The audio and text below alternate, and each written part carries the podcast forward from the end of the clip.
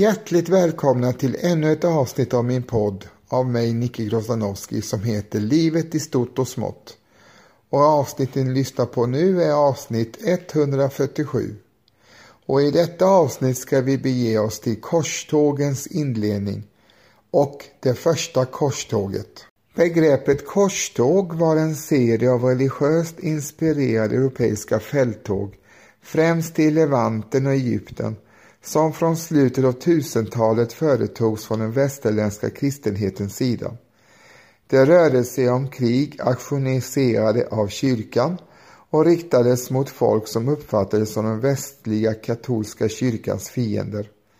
Korståg sågs som såväl pilgrimsfärd som heligt krig beordrad av Gud via påven i syfte att återerövra Jerusalem och heliga landet för de islamska kalifaten. De två gamla rikena Rom och Bysans hade en ny, ny gemensam fiende i kalifaten som i sina egna heliga krig hade erövrat tidigare kristna områden som östra medelhavsområdet, Nordafrika, Sicilien och stora delar av Spanien. Man brukar räkna åtta eller nio stora korståg under 1000-talet till 1200-talet, förutom ett antal mindre. Idag finns flera olika uppfattningar om vad som räknas som korståg. Vissa hävdar att endast expeditionerna österut för att befria heliga landet eller stödja dess kristna invånare ska räknas. Andra anser att alla krig som aktioniserats av påven ska räknas. Då inkluderas även den spanska Reconquistan, de nordiska och tyska expeditionerna till Baltikum och Ryssland och den spanska armadans angrepp på England. Korstågshistorien slutar först 1798 då Napoleon den förste erövrar Malta.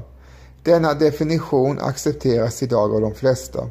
Vissa vill gå än längre och hävda att all kamp med religiösa företecken ska betraktas som korståg.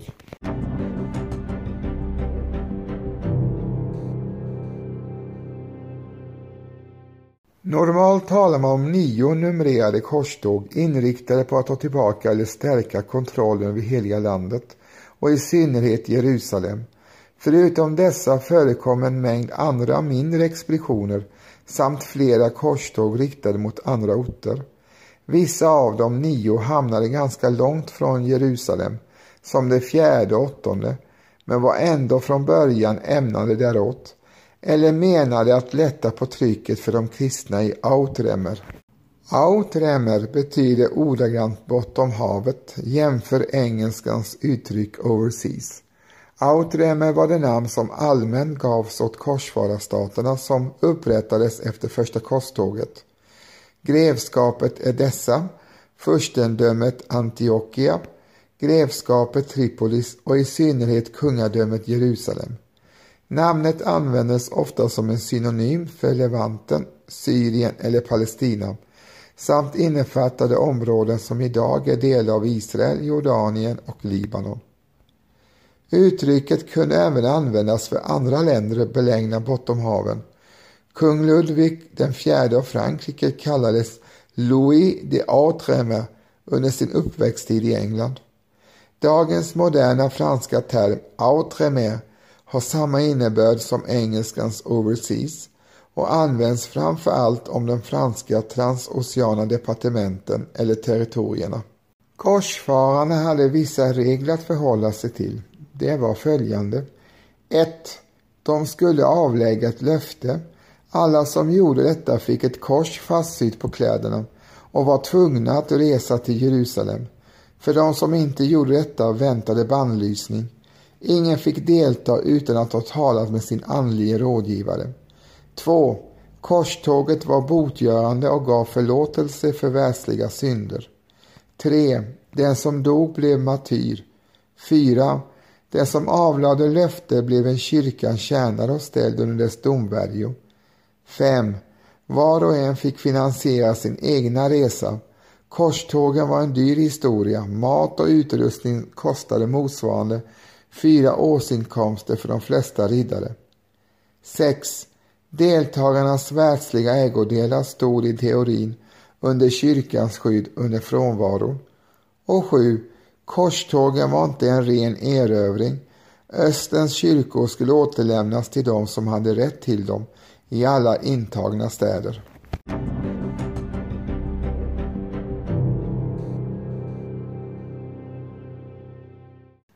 Första korståget 1095 till 1099 var en kristen västeuropeisk invasion av Mellanöstern med syftet att vinna kontroll över Jerusalem för att säkra pilgrimernas tillgång till det heliga landet och platserna. Efter att ha tagit vägen över mindre Asien lyckades man med detta mål och ett flertal korsfararstater etablerades. Kristna pilgrimsfärder till heliga landet och Jerusalem hade kunnat fortsätta trots att araberna erövrat landet vid mitten av 1600-talet. Med seljukernas framträngande i området i slutet av 1000-talet vållade dock så småningom pilgrimerna stora svårigheter. När den bysantiska armén förlorade slaget vid Mansikat 1071 föll stora delar av Anatolien och den bysantiske kejsaren Romanos den fjärde vädjade om hjälp. Korstågsrörelsen hade sitt upphov i att påven Urban II vid kyrkomötet i Clement den 27 november 1095 kallade till kombinerat pilgrims och fälttåg till heliga landet för att befria den. Gensvaret blev enormt. Folkskaran som samlats så stor att den inte fick plats i katedralen avbröt påven med utrop av Deula volt, Gud vill det. Adhemar Lepui var den första att anmäla sig och utsågs sedan även till korstågets ledare. Förste storman att anmäla sig blev greve Raimond den fjärde av Toulouse. Han begärde och nekades sedan det världsliga ledarskapet över korståget men samarbetade lojalt med Adhemar även om man aldrig gav upp tanke på ledarskap. Påvestolen förde en korstågskampanj i syfte att locka anhängare. Denna lyckades nästan för bra. Många fattiga tog korset och kom senare att bli en belastning för korståget. Arméerna skulle ge sig av efter skörden 1096 och samlas utanför Konstantinopel. Kejsar Alexios av Bysans hade bett om hjälp i flera år för att skydda sig mot muslimerna men han hade snarare bett om legosoldater än en armé på 60 000 man som ingen hade ordentlig kontroll över. Alexios såg i alla fall till att ordna depåer med förnödenheter och avsätta en polisstyrka för att eskortera korsfararna till Konstantinopel.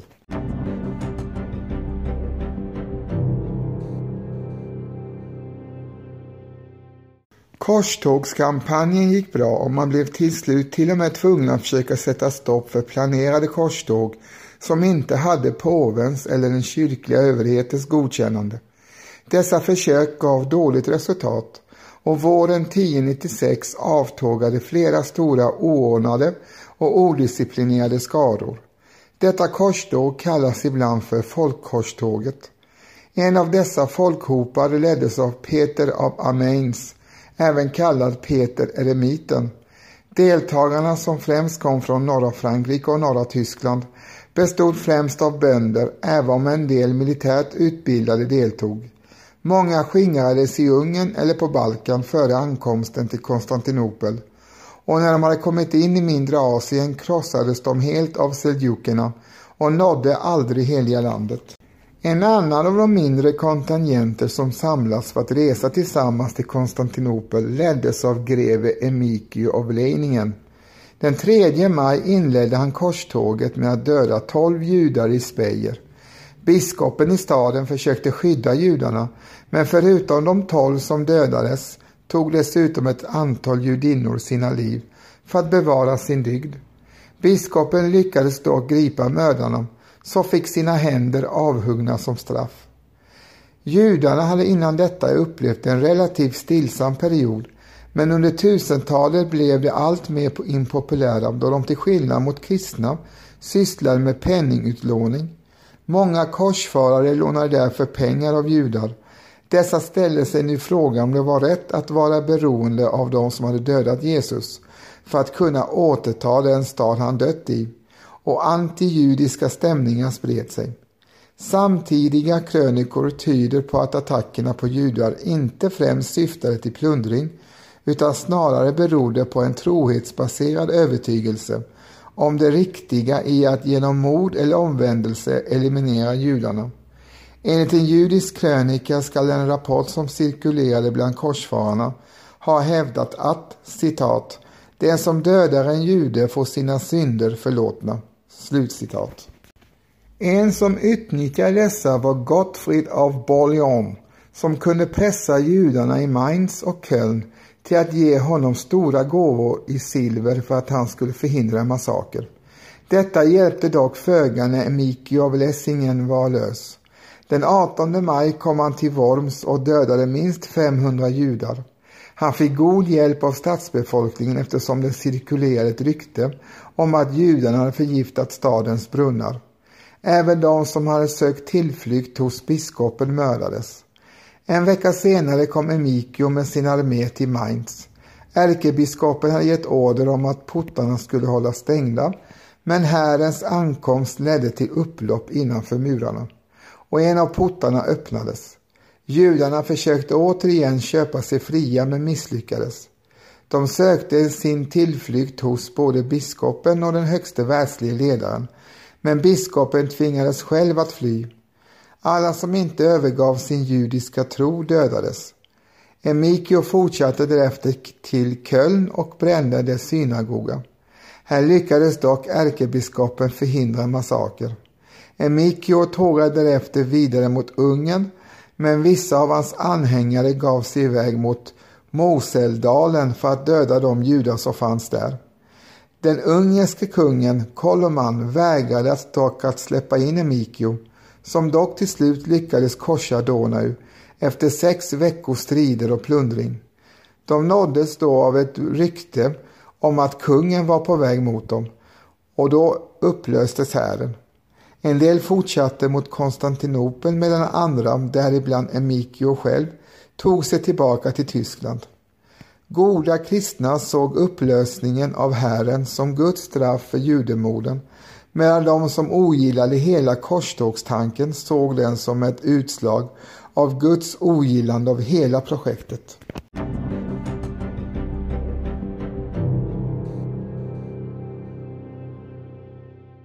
Det egentliga korståget startade planenligt hösten år 1096 och efter att ha tågat genom mindre Asien och där hjälpt bysantierna att återta Nikea samt utkämpat ett slag vid Doryleum där man besegrade stora turkiska styrkor delade armén upp sig.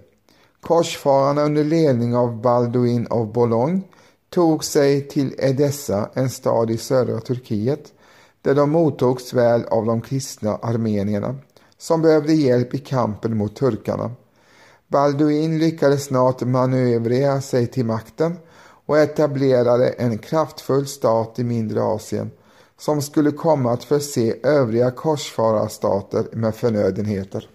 Huvudstyrkan under tiden fortsatte söderut och i oktober 1097 nåddes Antokia som var tvungen att erövras innan man kunde fortsätta.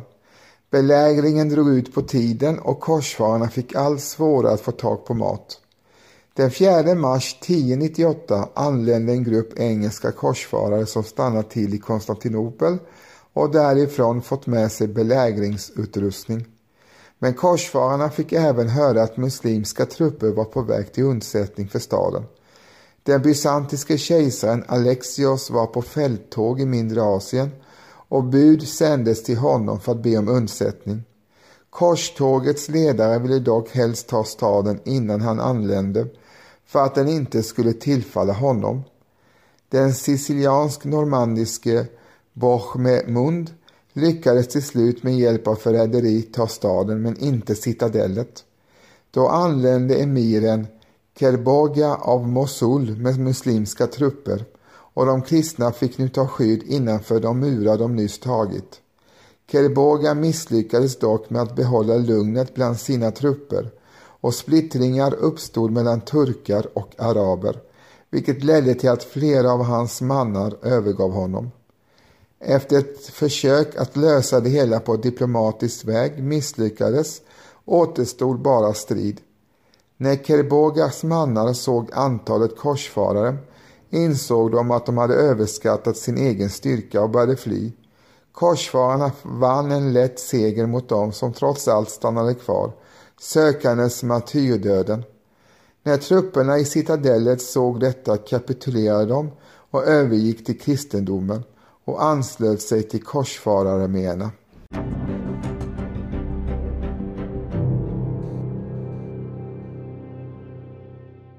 Korsfararna var dock uttröttade och valde att vänta till november innan de tågade vidare. En tyfusepidemi bröt ut och påvens representant, biskopen Adhemar av Lapoy, var en av dem som avled. Man hade även problem att komma överens om vem av Bomemund och Raimond den fjärde av Toulouse som skulle härska över staden, men kom till sist överens om att ge staden till Bomemund i utbyte mot att Raymond fick bli korstågets ledare. Medan korsfararna utkämpat dessa strider hade dock styrkeförhållandet i området ändrats och staden hade återtagits av de egyptiska fatemeniderna. Dessa erbjöd korsfararna fri tillgång till Jerusalem för alla pilgrimer i utbyte mot att korsfararna höll sig från området. Förslaget förkastades omedelbart och korsfarararmén som nu endast bestod av tusen riddare och fem tusen infanterister, satte sig i rörelse mot Jerusalem. Den 7 juni 1099 inleddes belägringen av Jerusalem. Eftersom försvararna lyckats förgifta brunnarna i området och dessutom kunde vänta förstärkningar från Egypten var korsfararna tvungna att snabbt ta staden om de skulle överleva. Den 14 juli lyckades man ta sig in i staden. Efter slaget inleddes en grym massaker på alla stadens invånare förutom de kristna som innan belägringen började tvingats lämna staden. Både muslimer och judar dödades av de kristna korsfararna. Hemska berättelser skildrar grymheterna då män, kvinnor och barn dödades urskillningslöst. Innan natten var över hade man rensat staden på dess judiska och muslimska befolkning. Hur många som dog i massakern är okänt.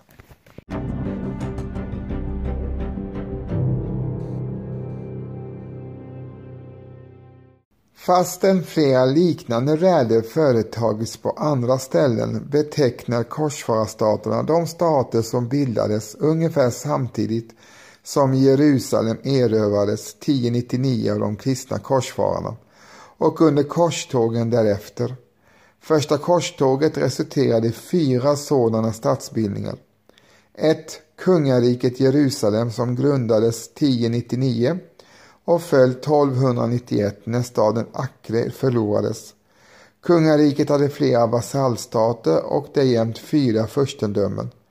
1. Furstendömet Gallien 2. Grevskapet Jaffa och Askalon 3. Grevskapet Altrojordian och 4. Grevskapet Sidon. 2. Grevskapet Tripolis i nuvarande Libanon som grundades 1104 och föll 1288. Furstendömet Antokia grundades 1098 av Bohemund den förste och varade till 1268. Och grevskapet Edessa grundat 1098 och föll 1144. Kilikien hade erövrats före första korståget men fick erkännande som kungadöme av påve Innocentius den tredje.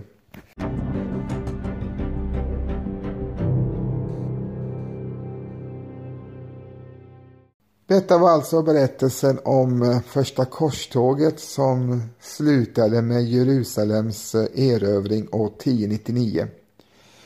Men den inledde också en rad serie korståg under 1100 och 1200-talet i syfte att återerövra Jerusalem och att stärka den katolska kyrkans makt över heliga landet och Jerusalem.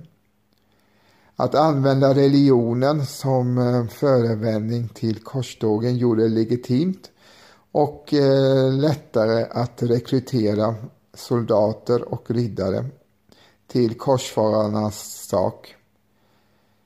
Men religionen var bara en liten, liten förevändning som sagt var. Det hela handlade om makt. Att kontrollera det heliga landet var otroligt betydelsefullt för både muslimer och eh, judar och eh, de kristna korsfararna. Så det hela var ju en maktsymbol. Det fanns naturligtvis eh, tankegångar från alla sidor att man skulle dela på staden och det heliga landet och alla platser som betydde så mycket för de tre religionerna. Men de kämpade i motvind mot de krigshetsande makthavarna på båda sidor. Jag hoppas att ni uppskattade avsnittet. I avsnittets början fick ni höra Fjäril Vinga syns på Haga av Carl Michael Bellman och som avslutning får ni höra Par Deus med gruppen Gotthard.